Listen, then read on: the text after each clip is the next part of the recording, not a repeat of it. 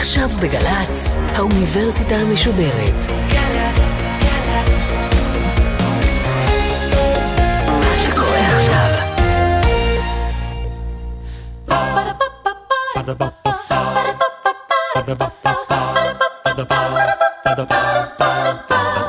האוניברסיטה המשודרת בשיתוף מיזם וויז מציגה המדען העירום.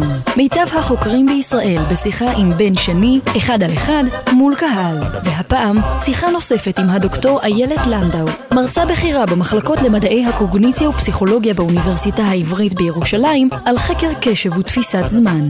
עורכת ראשית, מאיה גאייר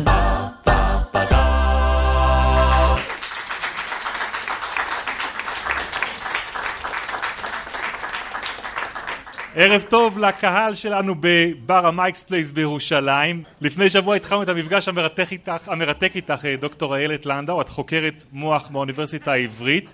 את מתמחה בנושא הקשב. במפגש הראשון, בחלק ששודר בשבוע שעבר, דיברנו בעצם על מה זה קשב, איך למעשה את בודקת את הפעולה של המוח שמפריד בין דברים שמפציצים אותו, גירויים בחלל, כדי להתמקד בנושא האחד שהוא רוצה להתעסק בו. דיברת על הגל הזה, על התדר שאת קולטת בין הנוירונים, ובנקודה הזאת אני רוצה לשאול אותך, המשאב הזה שנקרא קשב, הוא משאב מוגבל? יש כמות מסוימת של קשב שאני יכול להקשיב לה ברגע נתון? האמת, אם הוא לא היה משאב מוגבל, לא היינו פה. לא היה שום משמעות למונח קשב. זאת אומרת, כל ההנחה שעומדת בבסיס של חקר קשב הוא שהתהליכים הקוגניטיביים שלנו עובדים בסביבה שהמשאב הוא מוגבל.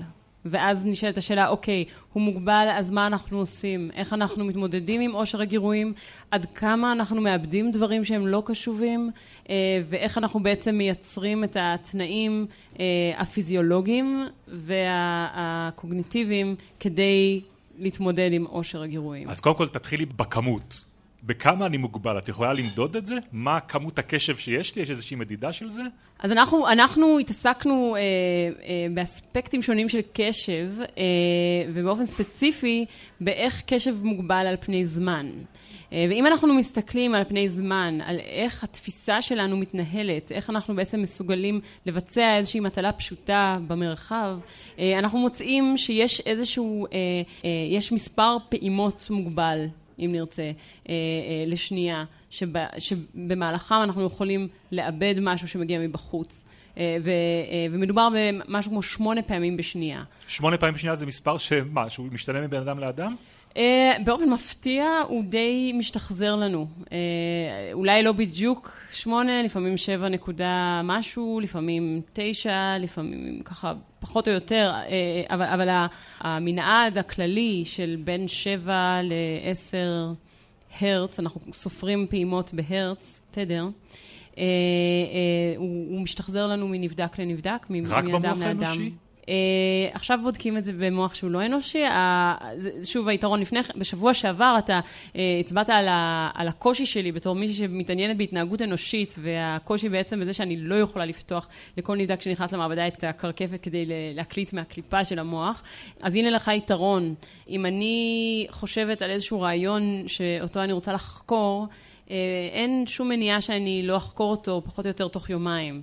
ואם אני רוצה להסביר לאדם שנכנס למעבדה שלי איך לבצע מטלה מסוימת, אה, קרוב לוודאי שמשהו כמו שתי דקות של אימון יספיקו, ואני אוכל אה, להקליט פעילות מוחית, להקליט התנהגות, פסיכופיזיקה, כמו שאנחנו קוראים לה. במחקרים בבעלי חיים זה לא עובד ככה. אז הרבה פעמים אנחנו, אנחנו, אני באופן אישי מסתכלת הרבה על עבודה של פיזיולוגיה, ומנסה להבין, אוקיי, איך פיזיולוגיה אמורה להשפיע על ההתנהגות, אבל גם הפוך קורה.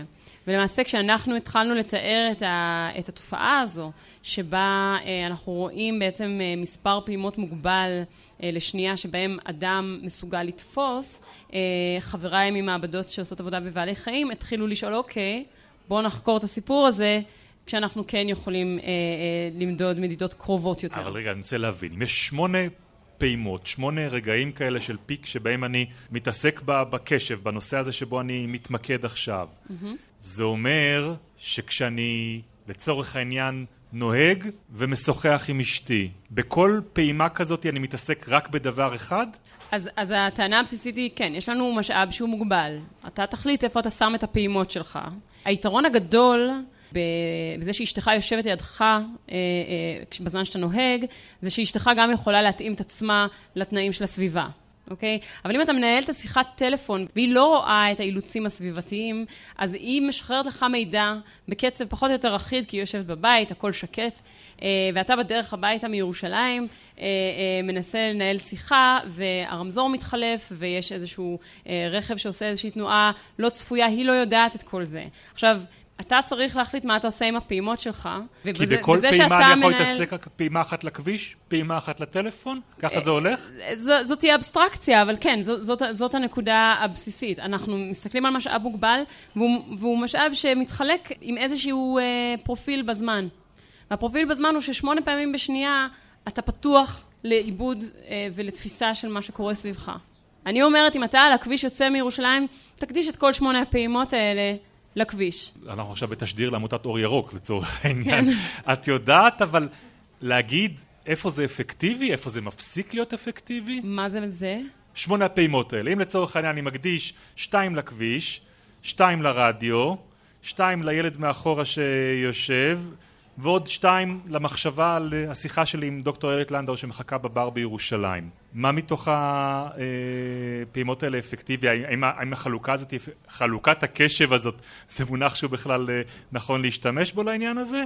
אה, הנקודה היא מאוד פשוטה. בוא, בוא ניקח דוגמה פשוטה יותר, אוקיי? אתה חושב על שני דברים, או אתה מנסה לתת קשב לשני דברים. מה שאנחנו מוצאים במעבדה, ואנחנו עושים את זה, שוב, בצורה קצת יותר פשטנית, מה שאנחנו מוצאים במעבדה זה שברגע שאני מבקש ממך לפזר את הקשב שלך על פני שני דברים שונים, אז במקום שיהיו לך שמונה פעימות כדי לתפוס משהו אה, בעל משמעות מה, מה, מהדברים האלה שאני מראה לך, מהגירויים האלה, אה, עכשיו יהיו לך רק ארבע עבור כל אחד מהם. כשאתה תהנה מתפיסה טובה במקום אחד, אני יכולה למדוד את התפיסה שלך במקום השני גם, ולדעת שאתה תהיה בתפיסה לא כל כך טובה במקום השני. עכשיו, זה, עכשיו, זה חשוב להבין, העולם לא נעלם באותו קצב, אוקיי? אז אם אתה נמצא בסביבה שהיא לא משתנה בצורה כל כך מהירה, אתה יכול לעשות מה שאתה רוצה עם, הפ... עם הפעימות שלך, אין לזה הרבה משמעות. כמובן שכשאני מודדת את, ה...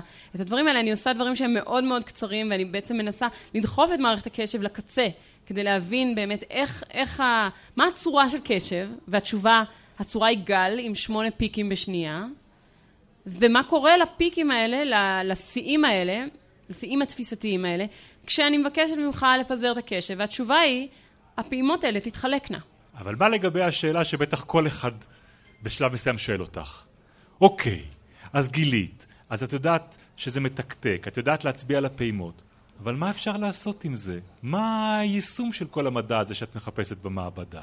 אז אנחנו באמת בשלבים מאוד ראשונים של תיאור, אבל יש לי כל מיני רעיונות על איך אנחנו בעצם יכולים לקחת משהו שאנחנו יודעים אה, אה, על, על מערכת מסוימת, ואז אולי אה, ללמד את המערכת, לייצר אותו. אוקיי? אז יש כל מיני אנשים שיש להם הפרעה שקשורה לפגיעות מוחיות, לדוגמה. שבגללה הם לא מסוגלים להפנות קשב לצד מסוים של הסביבה, לדוגמה. איזה צד? דוגמאות לאיזה דברים? אם, אם, יש אנשים שלדוגמה יש להם אה, פגיעה מוחית ב, אה, אה, נגיד בצד ימין של המוח, ואז הם מתקשים להפנות קשב לצד שמאל.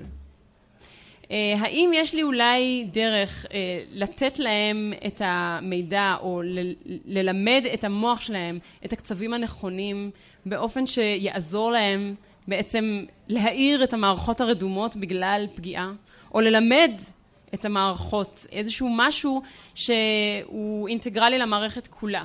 זאת אומרת, יש איזשהו תפקוד, התפקוד לקוי עכשיו בגלל פגיעה מוחית. איך את יכולה ללמד אותו? הפנטזיה שלי זה לראות אנשים במחלקות אה, אה, שיקום מסתובבים עם איזשהו גירוי, זה יכול להיות אודיטורי, זה יכול להיות אה, גירוי אה, של מגע, או זה יכול להיות אפילו משקפיים שבעצם מביאות את העולם באיזשהו קצב. את יודעת, את מדברת עלינו ואת אומרת שאנחנו נורא דומים באופן הפיזיולוגי שאנחנו פועלים בו, אבל אנחנו נורא שונים, גם באופן שבו אנחנו מתרכזים, גם באופן שאנחנו חושבים. בניסויים שלך את מנסה לבדוק גם כן מבנה אישיותי שונה? את יודעת להצביע מה שונה אצל מישהו מאוד חד ומדויק ומישהו יותר מרחף? אז יש לנו לא מעט מחקר שאנחנו עושים במעבדה עכשיו בעצם אה, על מנת לנסות לאפיין הבדלים בקצבים הפנימיים. כי כל הקצבים שדיברתי עליהם עד עכשיו, השמונה פעימות בשנייה, זה משהו שהמערכת שלנו מייצרת אותו. אפשר לדבר על למה ואיך, אבל משהו שהמערכת שלנו מייצרת אותו. ויש כל מיני דברים שאנחנו עושים שהם בעצם קצבים שאנחנו מייצרים. כשאנחנו הולכים, אם אנחנו נתופף, יש אנשים שהטיפוף שלהם הוא מהיר יותר, יש אנשים שהטיפוף שלהם הוא איטי יותר. אה, תנועות העיניים שלנו, יש כל מיני דברים שקורים, ש, אה, שקורים בצורה שהיא, אה, שהיא מחזורית. אז אחד מהמאמצים שלנו הוא באמת לנסות לאפיין פרופיל קצבי של אנשים ולראות האם אנחנו יכולים לשפר את הביצועים שלהם בכל מיני מטלות, על ידי זה שאנחנו ננגיש להם את הסביבה בקצבים האלה, שהם, ה, שהם הקצבים העדיפים. אבל אתה שאלת על אישיות, ודווקא לגבי האישיות, אנחנו מצאנו כמה דברים uh, מעניינים בעבודת הדוקטורט שלי בברקלי, קליפורניה, שם התעסקתי הרבה בשאלות שקשורות לקשב רצוני לעומת קשב שהוא לא רצוני. אז קשב רצוני דיברנו עליו, אנחנו מדברים עליו כל, כל הערב למעשה. מדובר באותו קשב שאנחנו בוחרים משהו שאנחנו רואים אותו כבעל משמעות, את האינפורמציה הזו אני רוצה, ולכן אני שמה קשבי לגירוי נתון ואני מנחיתה את כל השאר. אבל אה, אני לא זוכרת אם אתם זוכרים, שבוע שעבר מישהו הפיל איזושהי צלחת, וכולנו הפסקנו לרגע. וכשהצלחת הזאת נפלה, אה, זה בעצם היה משהו שמשך לנו את הקשב בצורה שהיא לא רצונית. אף אחד לא התכונן לנפילת הצלחת הזו. אז אלה שתי מערכות, קשב רצוני וקשב לא רצוני, שאנחנו חקרנו כל מיני אספקטים שלהם, ואחד מהאספקטים המעניינים ש... אה, שהסתכלנו עליהם, הם איך מאפייני אישיות כמו אימפולסיביות אה, מתקשרים לפרופילים קשביים. אז מצאנו כמה ממצאים, חלקם יותר אה, אה, מפתיעים מאחרים. אז הממצא הבסיסי הוא שאנשים שהם לא אימפולסיביים, אנשים שהם מאוד נמוכים אה, באימפולסיביות, הם, אה, הם לרוב יש להם באמת שליטה מאוד טובה על הקשב הרצוני שלהם, הם יכולים להזיז את הקשב שלהם לאן שצריך מאוד מאוד מהר. אה, באופן מפתיע, בסופו של דבר זה לא שהיה להם יותר קשב לחבר'ה שהם יותר, שיש להם יותר שליטה, שהם פחות אימפולסיביים. בסופו של דבר, אם נותנים לכל הנבדקים קצת יותר זמן, כולם מצליחים לייצר את אותם אפקטים של קשב.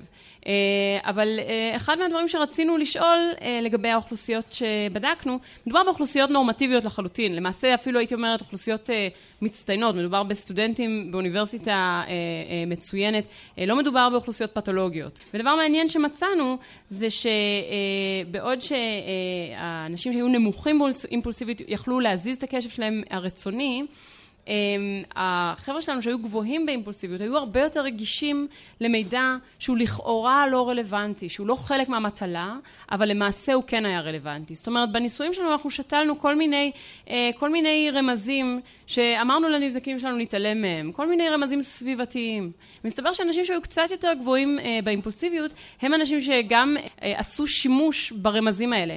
ובאופן מעניין, שתי הקבוצות שלנו, גם אלה שהיו גבוהים באימפולסיביות וגם אלה שהיו נמוכים באימפולסיביות, אה, שתי הקבוצות אה, לא היו מודעות לרמזים האלה. זאת אומרת, זה לא שהייתה קבוצה אחת שראתה את הרמזים והייתה מודעת לזה שיש איזשהו קשר ואיזשהו רמז, ולכן הם יכלו להפנות קשב לשם. לא.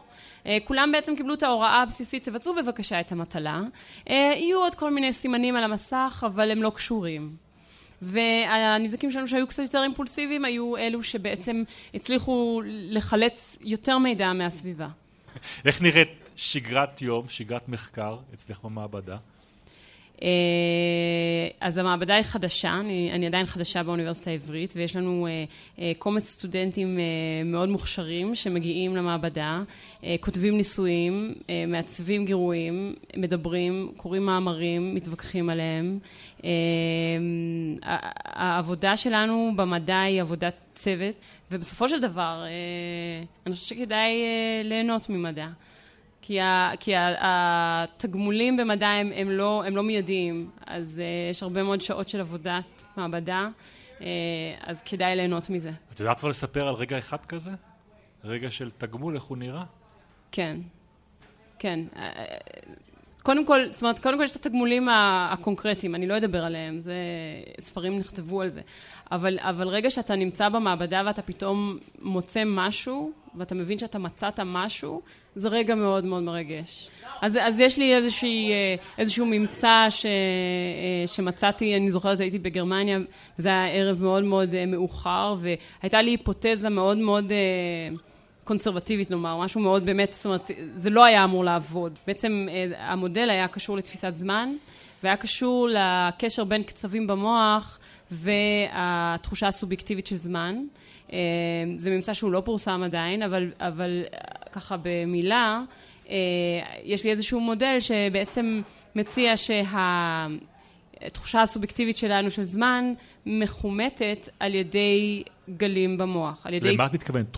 מחומתת, זאת אומרת, לא, יש לנו שעון... לא, הסובייקטיביות שלנו של תפיסת זמן. יש uh, עוברת שנייה uh, ועוברת עוד שנייה, והשנייה הראשונה מרגישה לי כנמשכה יותר זמן מהשנייה השנייה. אוקיי. Okay. והמודל שלי אמור להסביר מה במוח גרם לשנייה הראשונה להרגיש כנמשכת יותר זמן מאשר השנייה שנמשכה לי סובייקטיבית פחות. עכשיו זה קורה כל הזמן.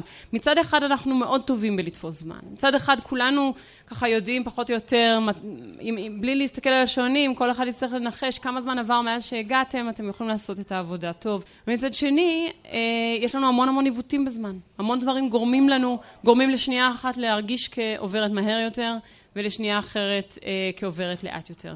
אה, אז כמובן שאם אנחנו, יש לנו עיוותים ברמה של שנייה, זה כנראה לא משנה את, ה, את המציאות כולה, וגם המציאות מתמשכת, ואנחנו בסך הכל סוכמים את הרגעים אה, לכדי חוויה.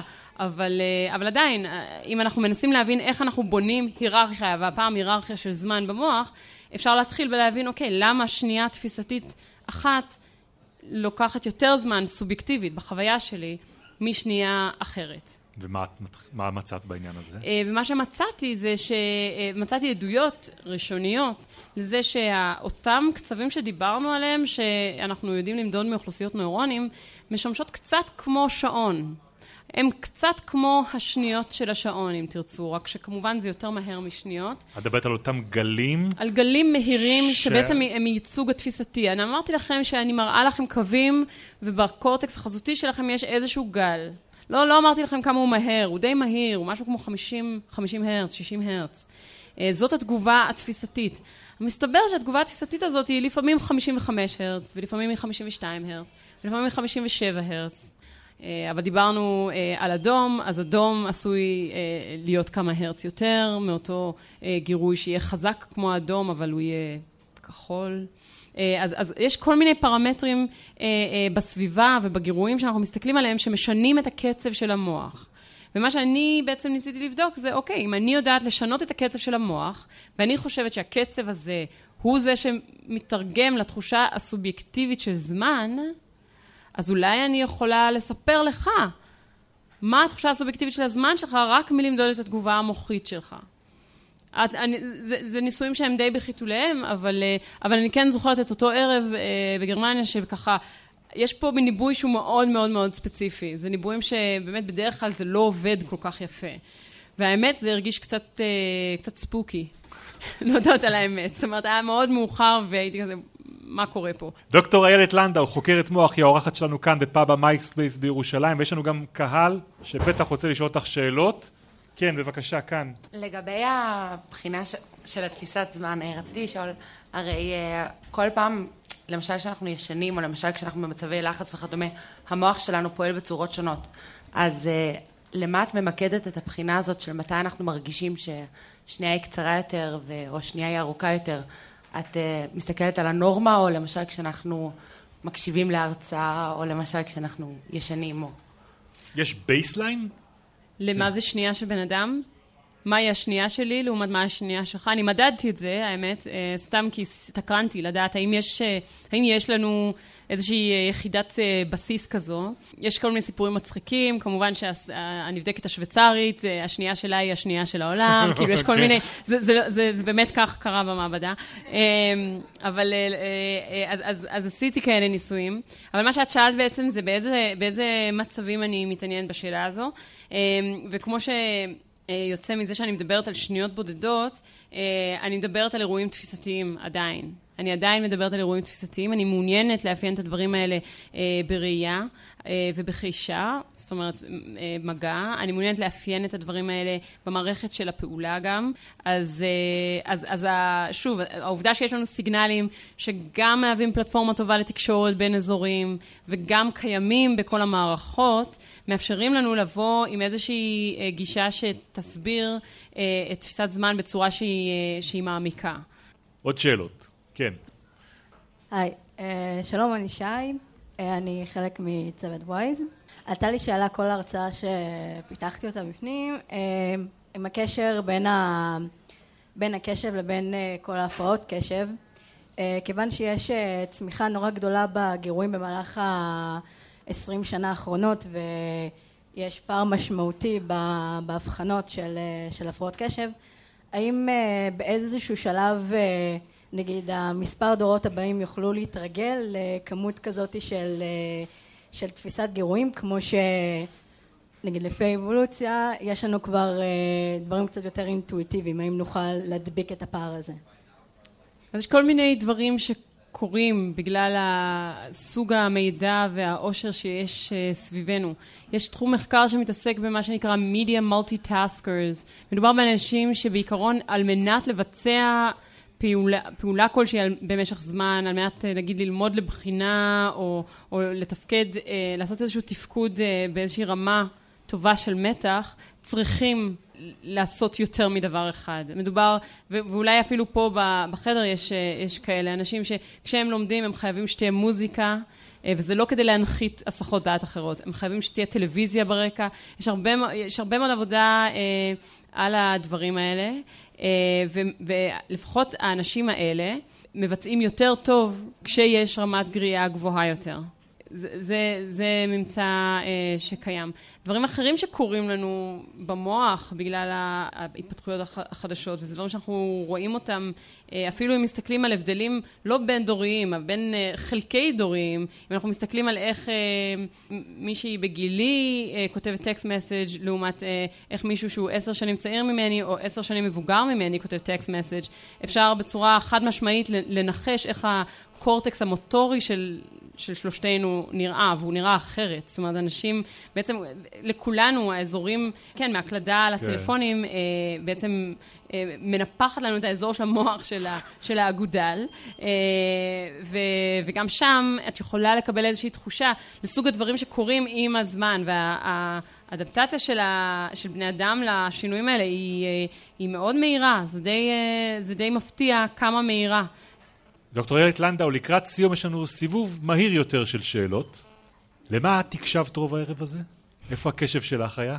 אני הקשבתי לשאלות שלך, okay. אוקיי. לשאלות של הקהל הנהדר הזה. את יודעת אבל להגיד על מה הסתכלת, איפה התמקדת? אה, יש פה אישה מאוד נחמדה, ש, ש, שמאוד נעים לי להסתכל עליה, שזה תמיד נחמד כש, כשעושים אה, דיבור בציבור, אז יש את אותו, אותו the, the friendly face in the crowd, אז, אז תודה. מי זאת? Uh, הנה, היא, היא יושבת פה, היא נורא, נורא נחמדה. בדקתי uh, כמה אנשים שאני מכירה מדי פעם, לראות שהם לא מגלגלים עיניים. מה הסיט את הקשב שלך? Uh, המטבח מדי פעם, צלולרי, uh, או שניים שצלצלו. ומה עושה את זה ביום-יום? יש לי שתי בנות חמודות שמאוד מאוד טובות בלהסיח את דעתי. או לתפוס את הקשב שלי. Uh, ההוראה גם תופסת את הקשב שלי. Uh, כמובן המחקר, אבל זה מה שתופס את הקשב. אתה שואל מה מסיח. Uh, מוזיקה תמיד טובה בלהסיח אותי, uh, אבל שוב, זו הסחה מתוכננת. יש לך לדעתך הפרעת קשב? לא. איזה כיף לך, אה? את היחידה פחות או יותר ששואלים כן, אותה היום כן ואומרת את זה. לא, אבל אני כן אומר ש, שאני מרגישה שיש מאמץ אה, לא מבוטל שצריך אה, לבצע כדי לא להיות אה, מוסחים מהדווייסים. אה, פתאום כמות המידע ש, שמגיע, אה, אם זה דרך ה device, האימייל, התקשורות, כמות התקשורת היא פשוט אדירה. וככה דיברתי על ה multi, אה, ה media multi taskers, איכשהו האינטואיציה, וזו אפילו לא אינטואיציה מחקרית שלי, היא שזה לא יכול להיות יותר מדי טוב. זאת אומרת, אה, אה, זאת אומרת המאמץ המתמיד שלי הוא לנסות לעשות דבר אחד. כשאני, מה שאני עושה, לנסות לעשות רק אותו.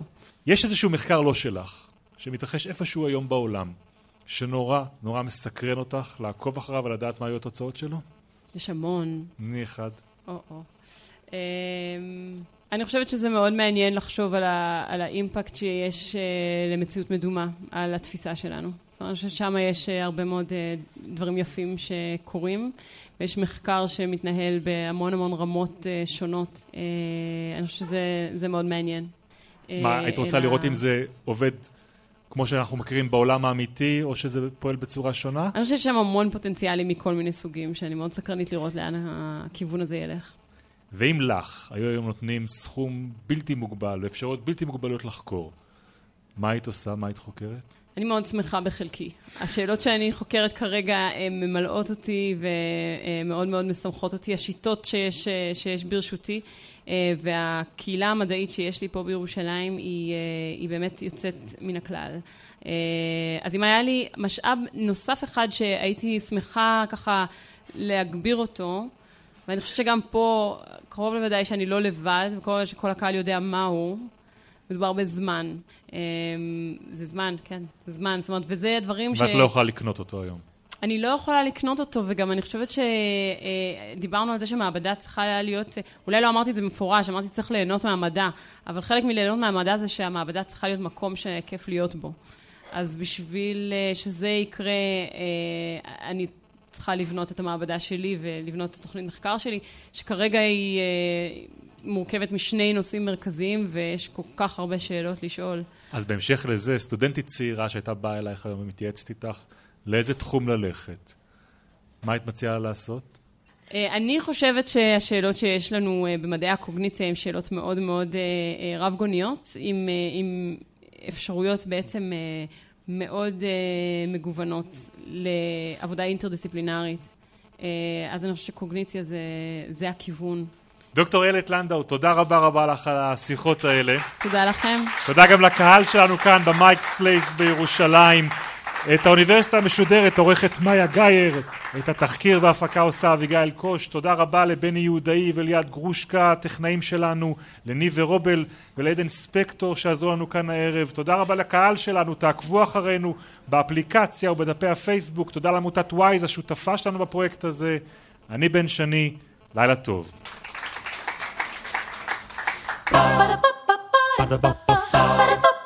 Ba-da-ba-ba-ba